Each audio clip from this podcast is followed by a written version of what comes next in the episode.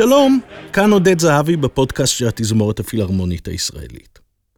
קצת מוזר להתחיל שיחה על הרקבים של ורדי בציטוט מתוך ביקורת מוסיקלית, אבל כפי הנראה שלפרינט ההיסטורי יש כוח משלו.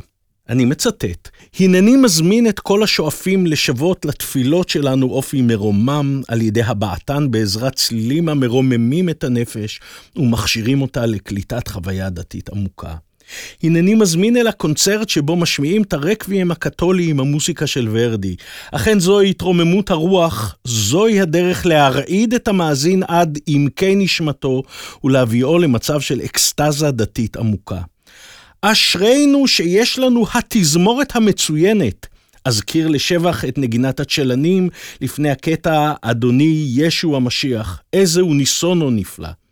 מה טוב חלקנו שאנו יכולים להזמין מנצח היודע לדלות מהמיצור של ורדי את כל הטרגיות שלה, ומעלה את המוסיקה האיטלקית לרמה דתית כנסיינית, ויבורכו הזמרים הטובים שעמדו על בימת היכל התרבות בתל אביב, והתפללו ושיתפו את הקהל בתפילתם הצחה.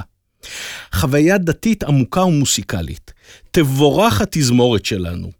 כך, ב-4 בינואר 1959, בעיתון דבר, המבקר והמוסיקאי מנשה רבינה, שיצא נפעם מביצוע רקוויאם של ורדי בידי התזמורת הפילהרמונית בניצוחו של קרלו מריה ג'וליני, לא חסך במילות שבח. והנה גזיר עיתון נוסף, הפעם למרחב מיום רביעי, 17 ביולי 1968. בית לחם. כמה עשרות מטר מהמקום שבו נולד לפי המסורת הנוצרית ישו, תבצע ביום א' הקרוב התזמורת הפילהרמונית הישראלית יצירה דתית נוצרית, הרקבים של ורדי. התזמורת הפילהרמונית הופיעה כבר בעשרות מקומות בכל פינות העולם. ביום ראשון הקרוב תערוך הופעה ראשונה בבית לחם שבהרי יהודה. תהיה זו גם הופעה ראשונה של תזמורת פילהרמונית בעיר המקודשת על מיליוני נוצרים בכל העולם. את הקונצרט שייערך ברחבה הגדולה שליד כנסיית המולד, קיבל תחת חסותו ראש עיריית בית לחם. כרטיס כניסה לקונצרט הזה, למקרה שתהיתם, עלה 15 לירות. הביצוע בבית לחם היה חלק מסדרת קונצרטים שעליה ניצח מנצח צעיר ונמרץ, שזה עתה פרץ לתודעה הציבורית בארץ. שמו זובין מתה. ושוב, ציטוט מתוך למרחב, מ-8 ביולי 1968. לקראת ביצוע הרקבים של ורדי בניצוחו של מטה, מסר דובר התזמורת וולפגנג לוי במסיבת עיתונאים, יש להניח שהפעם תהיה ההופעה מרשימה יותר משתי ההופעות הקודמות, עליהן ניצחו ג'וליני ופריצ'אי. המנצח מטה אמר כי למעשה הכל מוכן להופעה מחר, אם כי יש לו עדיין בעיות של אקוסטיקה, משום שהוא צריך לבחון היטב את מיקומה של התזמורת הגדולה בת 150 האיש. אחד הסולנים המופיעים בתזמורת ברקביהם הוא ריצ'רד טאקר, הטנור הנודע של המטרופוליטן אופרה בניו יורק. טאקר, שכונה גדול זמרי הטנור של ימינו, מופיע כעת בפעם החמישית עם התזמורת הישראלית.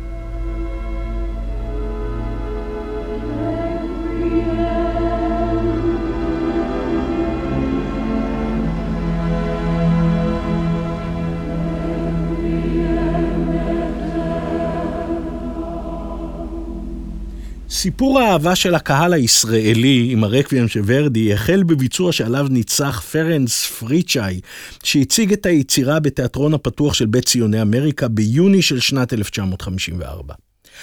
אחר כך היה זה ביצועו של קרלו מריה ג'וליני ב-1959, ובהמשך חזרו וניצחו על היצירה גם אריך ליינסדורף וריקרדו מוטי, אך יותר מכל הייתה זו היצירה של זובין מתה, שניצח עליה ב-1968, ב-1986, ב-1993, ב-1995, ב-2001 וב-2005.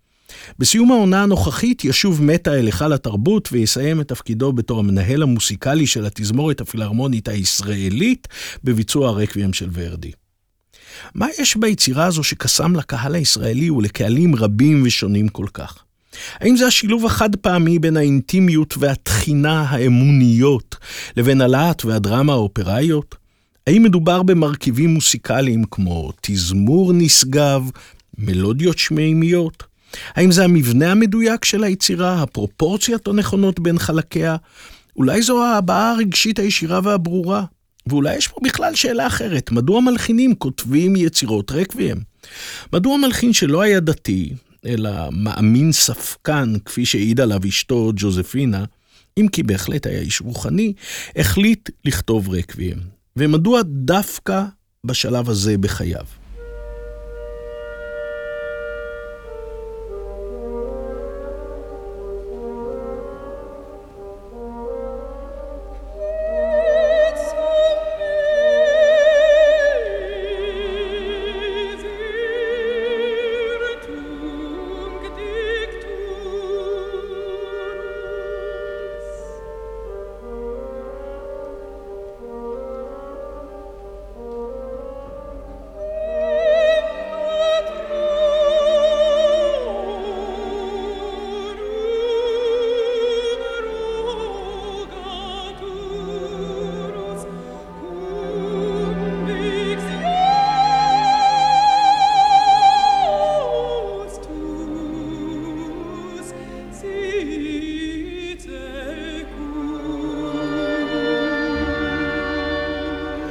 משהו על השלב הזה בחיי ורדי.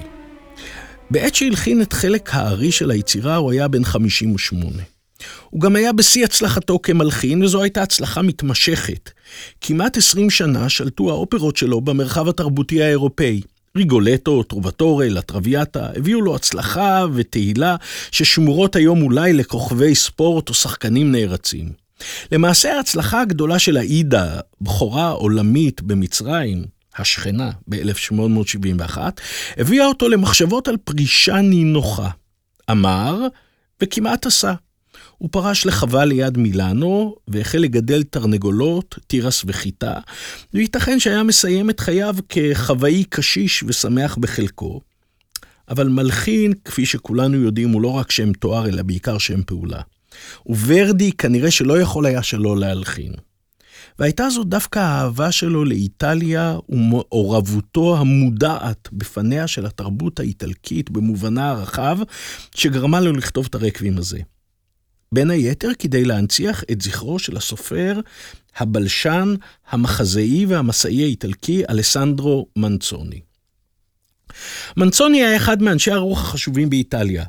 לא רק שהיה חתום על כמה יצירות מופת, הבולטת שבהם היא הרומן המאורסים, הנחשב אחת מיצירות המופת של המאה ה-20, אלא שהיה גם פעיל מרכזי במאבק ליצירת אחדות תרבותית, ולא פחות מכך אחדות שפתית בין חלקי איטליה.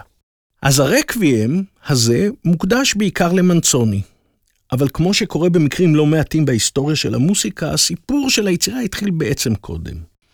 שש שנים קודם לכן, בשנת 1868, היה זה מותו של איטלקי אהוב אחר, רוסיני, שהוביל ליוזמת הנצחה מטעם העיר בולוניה.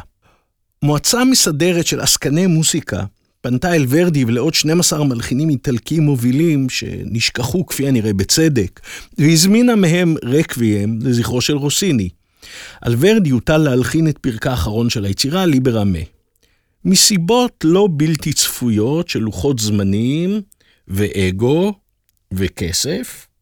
הפרויקט לא יצא מעולם אל הפועל, וורדי גנז את הפרק שכבר כתב. אבל אז היה זה כאמור מותו של מנצוני בשנת 1873, שהניע את ורדי לכתיבת הרקבים. ורדי לא היה איש שהיה קל להרשים אותו, הוא לא היה מהמעריצים של אומנים אחרים. אבל את מנצוני הוא העריץ, הוא העריץ בכנות גם את השילוב שאפיין בעיניו את האיש הזה. איש רוח, פטריוט, תרבות, איטלקי ויוצר חשוב בתחומו. שילוב שהיה נדיר אז כשם שהוא די נדיר היום. ורדי הרגיש שהוא חייב להנציח את זכרו של מנצוני ולעשות זאת בצלילים. האגדה מספרת, ואולי זה, כך היו הדברים, שלילה אחרי שביקר בקברו של מנצוני, הוא כתב למוציא לאור שלו ריקורדי שהוא מתכוון לכתוב רקוויאם, שתאריך הביצוע המיועד צריך להיות יום השנה למותו של מנצוני, ושהוא, ורדי, יכסה את הוצאות העתקת התווים וההוצאה לאור. היצירה בוצעה בחודש מאי 1874 במילאנו, ורדי ניצח על הביצוע והתגובות היו נפלאות. עכשיו, המלחין הזה, שהיה מבין גדול גם בצדדים המסחריים של עולם המוסיקה, דאג מראש להזמין עוד אולמות ולסדר עוד כמה ביצועים מיד אחרי הבכורה, כולל בתיאטרון לסקאלה המפורסם, וזו הפכה להיות במהרה אחת מהיצירות האהובות והמבוצעות ביותר של ורדי. לקהל ולמבצעים לא היה ספק שמדובר ביצירה דרמטית. המנעד הרגשי שלה רחב. היא נעה בין לחישות לזעקות, בין איפוק לבין התפרצות רגשית, בין שלווה לפחד. ורדי, המלחין הדרמטי, בחר את המפתחות הרגשיים בכל אחד מפרקי היצירה, ועטף את המפתחות האלה במוסיקה, כפי שרק הוא ידע לחבר. כיצד מתחברים להם היופי, חרדת הקודש והדרמה? כדי להדגים קטע שבו הטכניקה הקומפוזיטורית משרתת את ההבעה הרגשית בצורה הנפלאה, בחרתי להסתכל לרגע על הפרק לקרימוזה שנכלל בחלק השני של הרקוויאם דיאס אירה. המילים בתרגום לעברית אומרות, אז יגיע יום הדמה, מקברו חוטא אז יעל ויופיע, יעמודו למשפט. רחם עליו אל רחום וחנון, המצא מנוחה נכונה. ביקשתי מקלרניתן התזמורת יונתן הדס לסייע בהדגמה קטנה. בלב ליבו של הפרק עומדת מנגינה נפלאה, היא משתרעת על פני אוקטבה וקוורטה.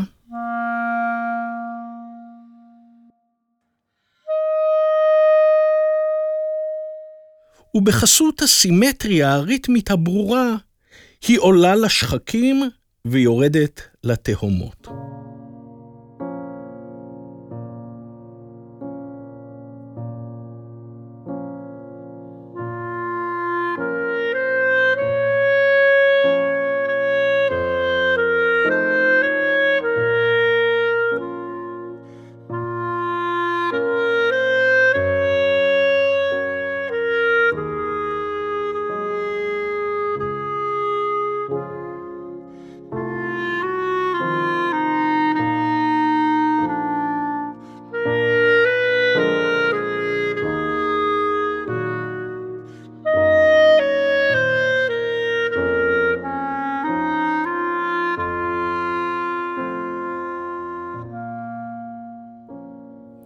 ההרמוניה המלווה את המנגינה היא בסיסית, פונקציונלית ומלווה במרקם של אומצ'ה.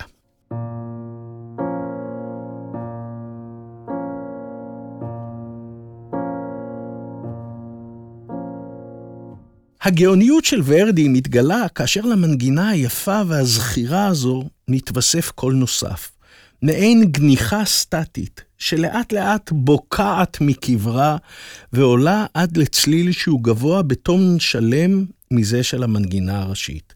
אני אנגן עכשיו את המנגינה, ויונתן יגנח בקלרינט.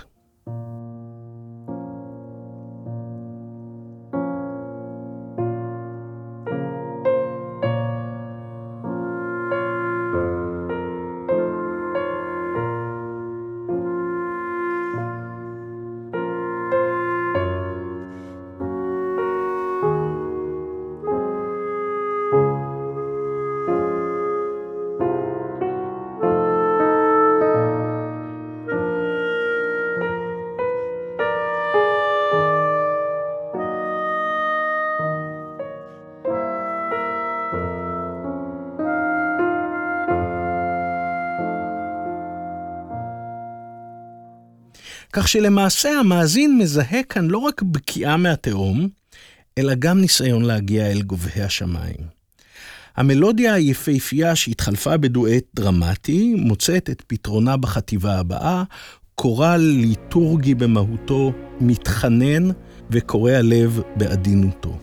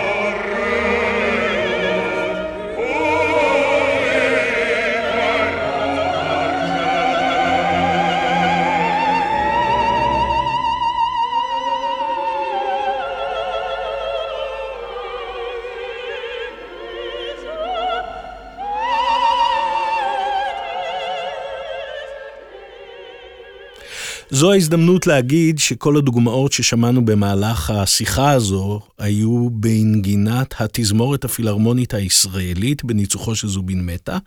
הקלטה מתוך קונצרט בשנת 1968, ולמי שבאמת הסתקרן, נגינת הבסון הנפלאה ששמענו קודם לכן, אה, הייתה של מרדכי רכטמן.